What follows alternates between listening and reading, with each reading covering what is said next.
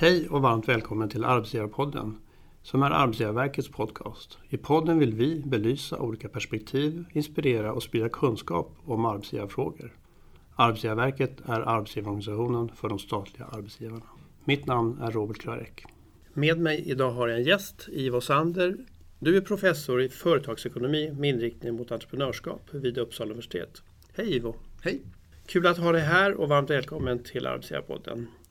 Idag ska vi alltså prata om intraprenörskap. Hur skapar vi förutsättningar för förnyelse och innovation i etablerade organisationer? Hur påverkas innovation och ledarskapet och medarbetarskapet som vi ofta pratar om på Arbetsgivarverket? Och hur kan man öka det digitala entreprenörskapet som särskilt tema som vi kanske kommer fördjupa oss i. Det ska bli kul att prata med dig. Så den första enkla frågan, vad är intraprenörskap?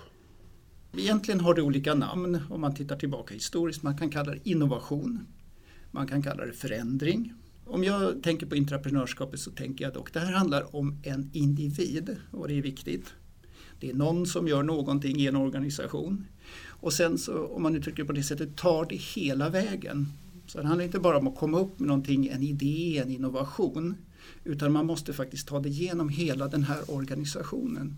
Och det tycker jag är särskiljande för intraprenörskapet att förstå att det är en lång process från individen in i en stor organisation och genom den organisation. Och där tycker jag det, det är lite skillnad från innovation till exempel eller entreprenörskap. För vi vet ju organisationer de är lite politiska, mm. de är stora, de kan vara svårråddiga. Mm. Så det här är en lång process för den här intraprenören. Så individ genom organisation med nya idéer så skulle jag säga att det är liksom ämnet. Och då kommer den naturliga frågan som du redan har touchat. Vad är skillnaden mellan entreprenörskap och entreprenörskap? Jag säger så här, i grund och botten exakt samma process.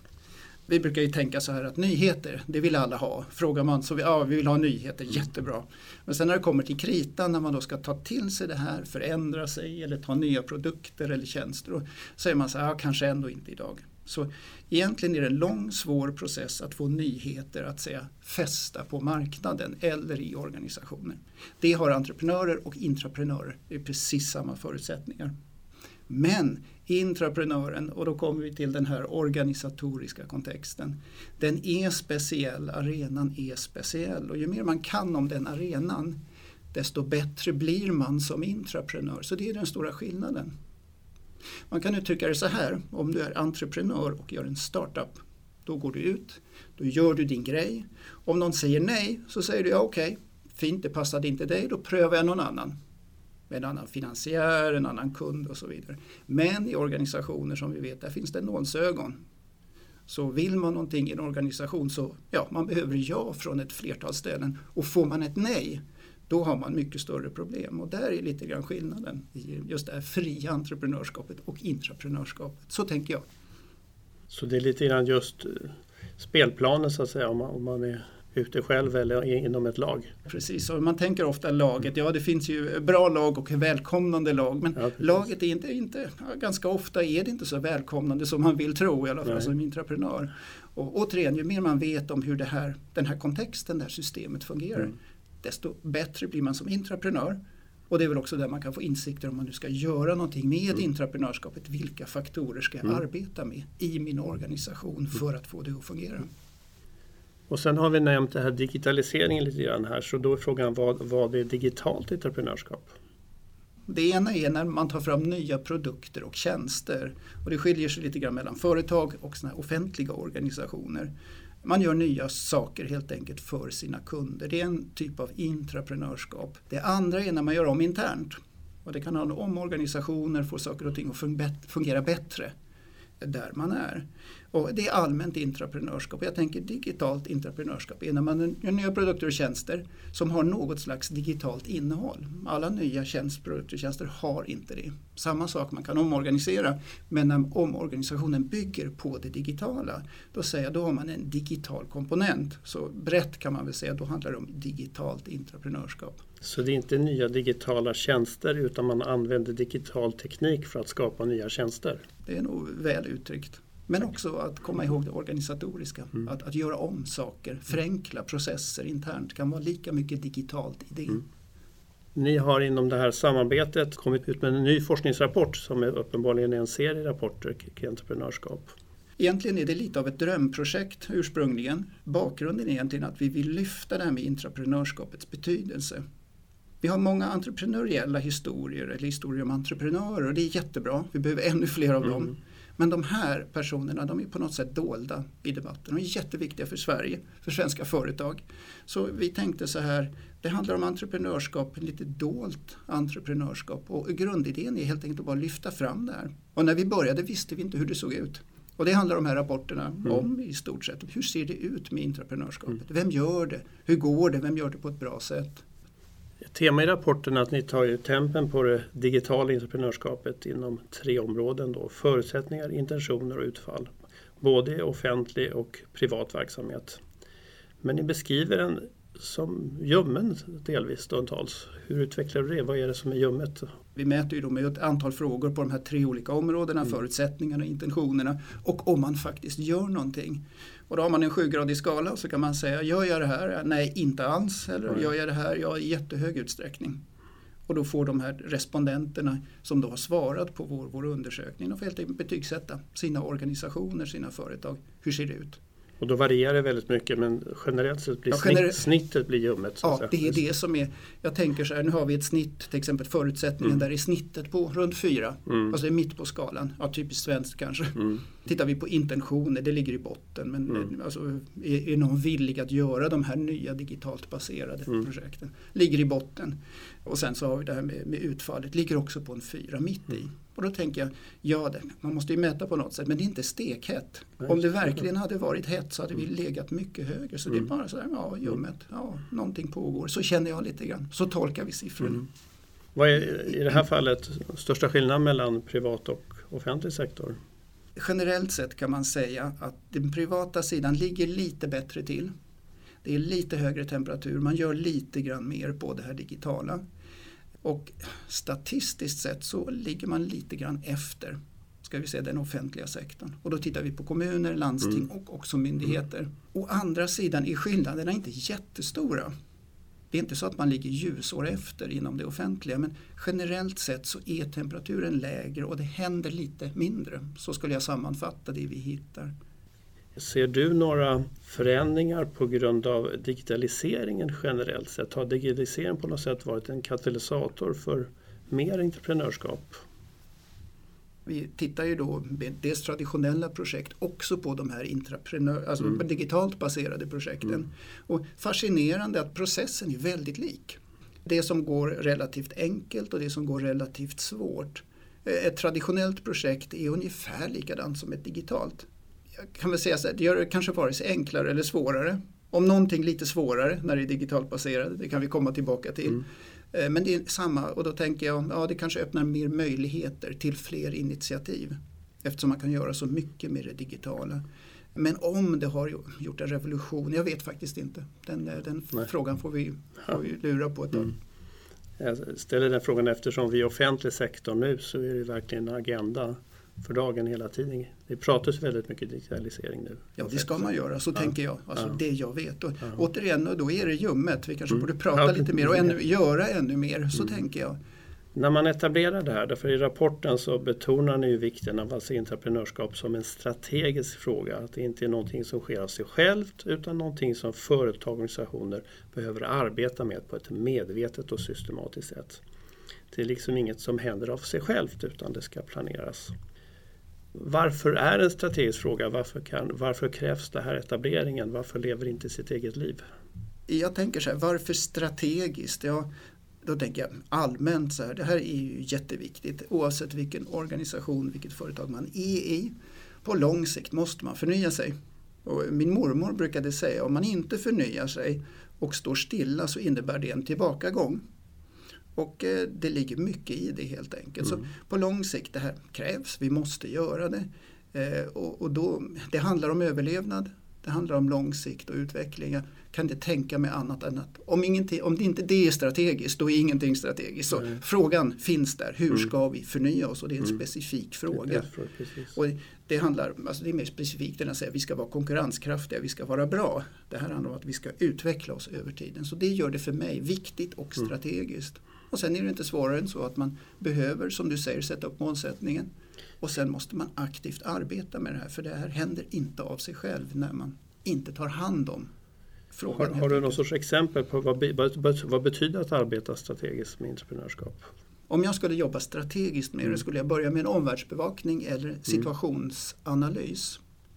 Och ställa mig frågan, vad är det som händer, vad är det som pågår som gör att vi borde göra mer av detta? Då kan ju svaret vara inte just nu och det är också okej. Okay. Men i regel hittar man då saker som håller på att hända, saker och ting man måste ta hand om. Och då börjar man där, okej okay, vad är nu detta? Vad kräver det av oss? Och det tycker jag är viktigt. Då får man ju formulera, det är det här vi behöver göra i den här situationen. Och då har man en målsättning. Och sen det som vi tittar lite grann på, då ställer man sig frågan, okej, okay, hur får vi till ett system som vi trycker ganska hårt på, en organisation med individerna där som faktiskt levererar mot de här målen. Så det är klassisk strategi. Mm. Målsättning, vad man ska göra och sen uppföljning om det verkligen fungerar. Kunskap om omvärlden, vad som händer. Vad vill kunderna? Vad vill människorna? Ja, vad vill ja. medborgarna? Ja. Vad vill de? Vart, vart är de på precis väg helt enkelt? Precis så är det. Och, vad betyder det för oss? Jag vill understryka mm. det. Det finns ingen enskild lösning som passar alla. Utan de här första stegen är ju viktiga. Först måste mm. vi veta exakt vad vi behöver och vad vi vill. Och sen kan man ju då börja designa, som mm. vi brukar säga, det här systemet det. så att det bär ditåt. Och det kan man faktiskt göra. Och det ligger i det strategiska också. Det här är något man kan göra någonting åt. För vår del så ser vi att vi har kompetensförsörjningsproblem i, i staten att rekrytera folk, rätt experter och så vidare. Men ni lyfter inte fram kompetensen alltid som det avgörande utan samarbetet, hur man ska samarbeta med varandra för att få organisationen att ta de utmaningarna. Hur, hur viktigt är kompetensen eller till samarbetet? Om vi börjar med, med kompetensen så, mm. så, gör vi i våra studier här i, i våra, den sista rapporten så tittar vi på vilka företag och organisationer visar sig vara bra på det här med som vi säger digital förnyelse eller digitalt mm. baserad förnyelse. Och där hittar vi ett antal faktorer som handlar om precis kompetens. Och det är helt tydligt, någonting finns det i de här sammanhangen som säger det finns vissa företag som har kompetens eller skaffar sig och de som har den digitala kompetensen, ledningsnivå, anställda, man har en strategi, de är också bättre på digital förnyelse. Det, det går åt båda hållen. Mm. Så på något sätt är det någonting man kan läsa in i de här resultaten. Så ja, alltså kompetens på alla nivåer så mycket det bara går. Det är helt entydigt från våra resultat. Så det ska man jobba med. Men sen så talar de om samarbete mm. internt mm. och så vidare. Det är väl något vi ser egentligen i, när man följer de här processerna. Den stora stötestenen är att kunna jobba internt faktiskt. Inte så mycket gentemot kund eller användare utan hur man får ihop det här nya projektet internt. Och där tror jag vi vet lite grann varför. Och det är för att de här digitala komponenterna, det är många. Jag tänker så här, man börjar gräva i en sak i digitaliseringen, jag säger digitiseringen. Och sen upptäcker man, kan jag göra det här så kan jag ändra en process här. Men nu när vi ändrar den här processen kan vi lika gärna ändra processen gentemot kund eller användare. Och då är det plötsligt stora projekt. Och de är svårhanterade. Då ska man över funktioner, man ska prata med många människor. Och det kanske är specifikt här. Och då måste man lära sig hur driver man den här typen av projekt som blir så pass komplexa. Jämfört med om man ska ta fram en ny plastmugg eller en ny eh, dator eller vad det nu kan handla om. Det hittar vi också i våra resultat. Och ibland tänker jag att det digitala det är en så speciell, stor, svår process och projektlederi är någonting man måste kunna speciell kunskap och sen projektledarkunskap. Och sen gäller det här, det här mandatet som du nämnde förut, att, att organisationen respekterar entreprenörskapet. Ja, det där är en intressant fråga. Vi, ja. vi har lyft den vi, vi, och vi diskuterar den också och vi har talat med superintraprenörer. Det finns ju en känsla här att vi måste samarbeta, absolut, för att få det här till stånd. Men det finns en balans på andra sidan som säger oss att det här med intraprenörskap det är inte en helt demokratisk process heller. Därför att det är ju någon som faktiskt vill någonting och genomföra någonting.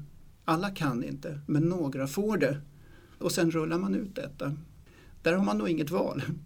Bejakar man intraprenörskapet bejakar man samtidigt att det finns en viss grad av icke-demokratiskt eh, ett inslag här. Om chefen säger att ja, alla kan inte vara entreprenörer, vi måste jobba på som vanligt, vad säger du då? Jag säger alla kan vara entreprenörer. Det gäller att fånga upp alla de som bara vill och kan. Men sen får mm. man ha en process för vilken typ, ja, vi började ju där, vilken målsättning har mm. vi? Så kan man ha en första tratt. Vissa projekt, ja kanske ändå inte nu och så får man förklara det. Alla är välkomna och så får man då följa den här processen över tid. Det är transparent förhoppningsvis, rättvist så rättvist det kan vara och sen är det några få som i slutändan uppfyller alla kriterier. Så det får man nog leva med. Egentligen svaret på din fråga, ja så mycket det bara går men en transparent process så alla åtminstone har en förklaring varför det inte var jag idag. Och då får man säga kanske jag imorgon. och då får man då fungera på lång sikt. Så får jag ihop eh, den världen i alla fall. Vi läser att det här med olika tillåtande kultur på en arbetsplats eh, låter ju bra. Men ni menar också att den kultur som finns kan ha en negativ faktor vad gäller innovation och så vidare. Det finns vissa frågor helt enkelt när man gör den här statistiken. De hänger ihop. Svarar man högt på en så svarar man högt på ett annat. Och eh, då gör man något som heter faktoranalys för att få fram vad den här frågan egentligen handlar om. Och en av de här frågorna är då just den här omfamnande kulturen. Det handlar om att man delar gärna med sig av kunskap, man får gärna misslyckas och man ska jobba tillsammans internt så kan man kategorisera den varje Och vad vi hittar till vår förvåning, vi tänker så här, det här måste ju driva entreprenörskap. Men det är tvärtom. Det är ganska starka signaler att det här är inte förknippat med organisationer som förnyar sig. Då tänker jag lite grann på den här demokratifaktorn. Allt vi kan säga, vi är jätteförvånade. Vi kan inte riktigt förklara varför det är så här, men vi hittar det. Och det är det viktigt att påpeka att det här kan vara jätteviktigt för andra saker i en organisation. Men fascinerande nog just intraprenörskap, förnyelse driver det inte så mycket som man kan tro. Det finns en annan typ av kultur som är väldigt stark mm. som säger en annan sak och den är viktig för intraprenörskapet mm. och förnyelsen och det kallar vi för en ambitiös kultur. Och där ligger egentligen att vilja ligga före de andra. Det finns mm. liksom i genen. Och en vilja att skapa nya produkter och tjänster som vi mäter det. Den är mer framåtriktad, proaktiv och den är väldigt stark. Oavsett var vi mm. tittar, offentligt, privat. De som har en ambitiös kultur, ska vi säga, de vill någonting. Det ligger, sitter i väggarna. Det driver eh, förnyelsen i företag mycket mer än det här omfamnande intressant kan man säga som forskare. du kanske har svaren, jag, jag har dem inte. Nej, jag... Inte just nu i alla fall. Och det här, sammantaget det här lite konkurrens, ambition, att eh, laissez-faire, det gynnar då innovation helt enkelt för att få fram nya verksamheter, nya produkter eller utveckling av verksamheten. Helt enkelt. Om du frågar mig, det jag mm. vet, det här är ju inte naturligtvis Nej. Eh, sanningen. Men jag tror att det är en balansakt som mycket annat när det handlar om att driva organisationer. Det ska vara laissez-faire i den meningen att alla ska kunna kliva fram. Man behöver ju råämnet. Och det här är individerna. Utan individerna som kliver fram och säger jag vill göra det här, då kommer ingenting hända. Det behöver man. Men sen ser väl kanske jag mer det strukturella om man nu vill få det här att fungera över tid. Jag var inne på det.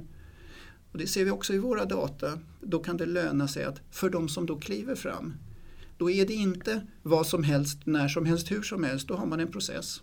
Och då säger man så här har vi våran process. Och så får man hitta sin process. Vi följer den. Och det viktiga här är vi följer också hur det går. Så det är inte bara att släppa saker nu när man har kört igång utan man visar att man är med på resan. Mm. Vi kollar, hur går det? Till den resan hör ju ibland att man säger du det här kommer aldrig fungera, vi lägger ner. Men på det sättet är det inte helt laissez-faire. Och då talar vi om det här systemet mm, igen. Mm. Det räcker inte bara med att säga alla kan, kliv fram. Man får också hjälpa på vägen och ta emot de här på rätt sätt. Då tror jag man börjar få något, något som fungerar på sikt. Du jobbar ju själv på en statlig myndighet och då är frågan hur tycker du att statliga myndigheter kan skapa rätt förutsättningar för en kontinuerlig förnyelse? Vilken organisation den handlar om så är grundbultarna väldigt enkla. Och något av det första jag skulle vilja lyfta fram är att man faktiskt explicit gör att det är viktigt med just förnyelse. Om man börjar med att ledningen inser att det är viktigt, vi måste röra oss framåt, signalerar och stöder väldigt tydligt i våra data också, då, har man, då börjar man i rätt ända. Och sen kan man börja titta på det där, hur får vi till vårt system så att folk kliver fram? Vad gör vi med de som kliver fram? Ja, belönar vi dem? Följer vi dem genom processen? Men det måste då, som man säger, designas, hela den processen. Vi pratar väldigt mycket om ledarskap, medarbetarskap och innovation. Vi har det som utvecklingsarbete helt enkelt, både för oss själva men också till stöd för de vid myndigheterna som jobbar med kompetensförsörjning och liknande. Så det här spelet mellan ledarskap, medarbetarskap och innovation är ju då beroende av varandra. Men hur ser du på det arbetet just i de här systemen internt? Alltså vilka kopplingar och samband finns mellan entreprenörskap, ledarskap och medarbetarskap? Om ledarskapet finns så tror jag eh, individerna finns och eh, stiger fram. Jag skulle börja i den ändan faktiskt. Mm. Det finns alltid så mycket potential i en organisation. Så I början handlar det väl mer om att visa ledarskapet att man släpper loss detta.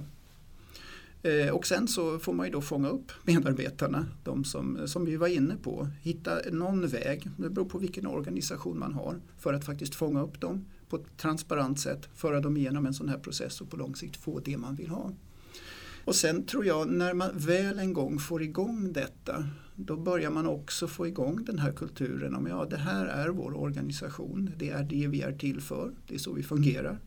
Och då kommer fler vilja kliva fram då börjar det ju sprida sig. Jag tänker, jag som medarbetare, man plockar ju upp de här signalerna. När man är nyanställd eller när man är i organisationen. Ja, det är så här, det, är, det, det här förväntas av mig. Och då börjar man agera, inte bara som intraprenör kanske, eller som också mottagare av det här. Och när man har det, fått det igång, då tror jag allting börjar rulla på rätt sätt. Egentligen utan att man kanske behöver göra så mycket. Och då tänker jag extern attraktivitet och det vet jag mm. Arbetsgivarverket och medlemmarna mm. och kompetensförsörjning. Om det här fungerar så står någon utanför och så tittar man på den här organisationen, de verkar ha kul. Här verkar det hända saker. Och så vänta, där vill jag vara med. Och så kliver man in eh, i den här kulturen. Eh, svårare än så är det inte, men man måste ju komma dit. Hur kan man lära av varandra? Eller hur kan jag, om jag blir ny chef här och så säger den som tillsätter mig, ja men nu ska du se till att jag har bra entreprenörskap på din enhet.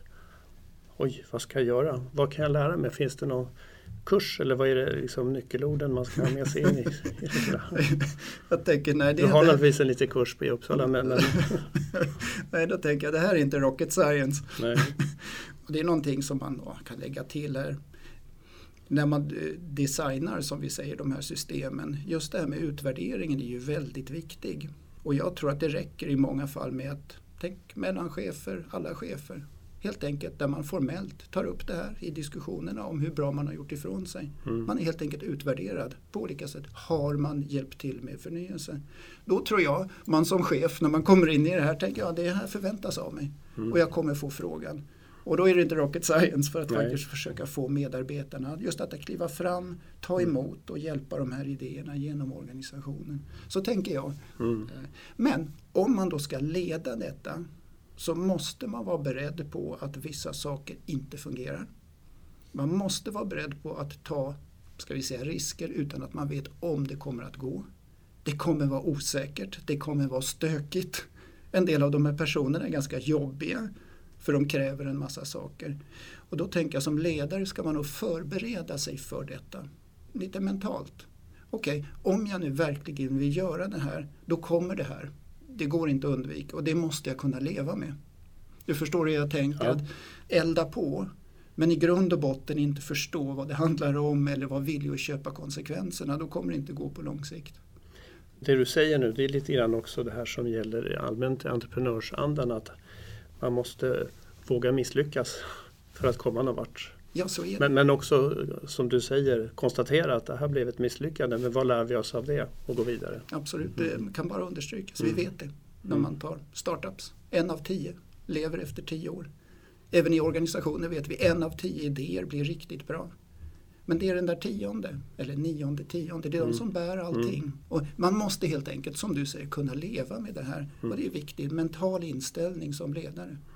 Det kan man träna sig på också. Det är inte så farligt tänker jag ibland. Vi talade tidigare om att vi understryker i er sammanfattning vikten av entreprenörskap som en strategisk fråga och att det inte är något som sker av sig självt utan som företag och organisation behöver arbeta med strategiskt och systematiskt. Men vad har vi för konkreta tips och exempel? Hur ska man hur kan man jobba för att vidareutveckla med entreprenörskap? Ska vi börja med process? Ja. och det är någonting egentligen ingen organisation kan särskilt bra, inte min egen kanske, eller jag känner väldigt få. Företagen inte bättre på det här. Och det är att inse att det är strategiskt och att faktiskt, vi har alla det problemet, ta sig den tiden. Att sätta sig ner och fundera igenom ordentligt. Mm. Det här med förnyelse, vad, hur tänker vi kring det här? Hur jobbar vi med det? Har vi ett system som fungerar? En struktur. Ja, så är det. Och det är mer än en dags, eh, ska vi säga, retreat för att diskutera det här, skriva ihop några powerpoint-bilder och sen säga att det här är nu har vi en strategi, jättebra nu går vi tillbaka och ser till så verksamheten fungerar. Så ska den leva? Ja, den ska, och den måste arbetas in och det, det, är som du sa tidigare och vi vet det är ingen quick fix. Så om man nu ska börja med det så, och någonting så börjar man där. Nu ska jag tänka de tre viktigaste sakerna. Då säger jag eh, ledningens stöd. Att visa den och som det heter walk the talk. Det är väldigt starkt i det vi hittar och det är väldigt starkt även i andra företag man ser. När ledningen visar och tycker att det här är viktigt och är villig att ta konsekvenserna då kommer det att hända saker. Så ledningsstöd definitivt. Jag lutar mot våra resultat och så säger jag med en ambitiös kultur där det ligger i generna att vi ska röra oss framåt. Att vi ska vara bättre än våra grannar. Det är någonting väldigt positivt. Och talar vi det digitala specifikt så är det väldigt tydligt. Det handlar om kompetens. Det är bara att blåsa på så mycket det bara går. Det gäller ledningen, det gäller kanske styrelser, det gäller medarbetarna. Man ska ha en strategi för detta. Det är tydligt i våra data också. Så de tre sakerna till att börja med. Och sen kan man då fundera på hur riggar man de fina detaljerna. Ledarskap, kultur och kompetens. Och um, som jag antydde, det är inte rocket science. Nej, eller hur? Nej. Om jag som medarbetare sitter här då någonstans och jag har idéer och entreprenör, hur ska jag, hur ska jag få ledningen att förstå att mig ska de släppa loss? Det beror på vem du är. Nu tänker jag en medarbetare. Jag tänker på mig själv. Jag är någonstans i organisationen i de, ska vi säga, någonstans, inte på toppen. Jag eh, brottas med min idé ett tag och sen så tar jag upp det med någon i min omgivning. Och så börjar jag diskutera det. Hörrni, det här borde vi faktiskt göra. Där börjar det kanske. Sen kanske med min närmaste chef. Om jag har en sådan. Någonstans finns de. Så när idén börjar ta form så tar man upp detta. Så jag skulle vilja tala med dig om det här. Det här skulle jag vilja göra. Och så får man ju då börja förklara för mm. den här närmsta chefen. Och sen behöver man ju, då är vi tillbaka till det här, hur, hur mottas det? Då behöver man ju faktiskt en chef mm. som säger, ja men det här var väl bra. Vad ska vi göra härnäst? Och då jobbar jag vidare på min idé. Mm. Min chef stöttar mig internt i olika fora, mm. lite längre upp i organisationen mm. när projektet blir större och mm. börjar ta form. Och, eh, så det är de två delarna. Jag måste jobba på idén. Det är faktiskt jag som måste se till så att det här händer. Och exakt hur det här händer det beror på mm. vilken idé det är och vilket företag det är. Mm. Jag behöver hjälp och det är ofta mellan cheferna, därför är de så viktiga. Eh, och det är inte svårare än så och sen så försöker man få det här att fungera. Mm. Eh, och det gäller envishet. Ja. Man måste vara extremt envis, extremt uthållig. Och så ska man ju komma ihåg att det finns andra som vill göra saker också. Så det är ingen lätt uppgift detta. Men det är hårt jobb och det är bara att vara passionerad, engagerad för att driva igenom det.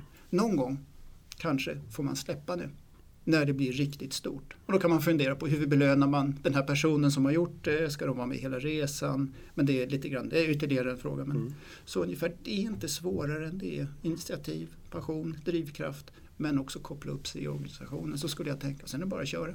Se vart man, hur långt man kommer.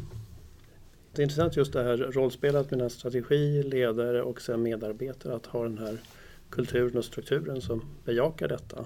Ja. För det är nog många medarbetare som tycker de kommer med en bra idé. Och så blir kanske svaret skriv en lång PM så får vi se sen istället för att man omedelbart sätter igång ja, operativa absolut. tänket. Ja, och där kommer vi till den här processen. Om man har en något sånär utstakad process. Den kommer aldrig fånga alla de här konstiga mm. individerna men när man vet att första delen är den här sidan. Ja, då blir det lite byråkratiskt men det är väl inte underligt att man behöver beskriva det man vill göra. Så tar mm. man det till nästa steg och då får man den här uppföljningen. Det är mycket helt annorlunda än att säga ja, jag har jättebra skrivet PM. Och då får man ligga i. Jobbigt även för ledare. Så är det.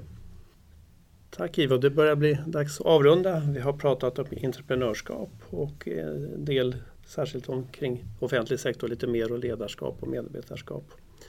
Det här är en central del i innovationsarbetet. Stort tack till dig för att du vill vara med här idag och dela med dig om din kunskap, dina tankar och erfarenheter. Men innan jag släpper iväg det ska jag vilja ställa en sista fråga. åt er. en sak som du vill att vi ska ta med oss. Det kan vara något du redan sagt eller vill förstärka något speciellt budskap som vi ska ta med oss från idag. Jag ska börja med att tacka för, för att jag fick vara med och, och tala. Då tänker jag budskapet, ja, ja, det här kanske blir lite stort men om man nu vill få till det kan man tänka så här. Jag har ett liv. Det här är inget genrep. Vill jag åstadkomma någonting så är det nu det ska hända och inte senare. Så om man tar med sig det då tror jag man hamnar ganska rätt oavsett om man är medarbetare, ledare eller så. Tack, det här är ingen repetition, it's for real. It's for real, no rehearsals. Stort tack! Och tack till dig som lyssnat. Om du har några frågor eller förslag på ämnen som du vill att vi ska prata om i podden, hör gärna av dig till oss på Arbetsgivarverket, arbetsgivarpodden arbetsgivarverket.se. Eh, mitt namn är Robert Klarek. Vi hörs snart igen. Hej då! Hej, tack!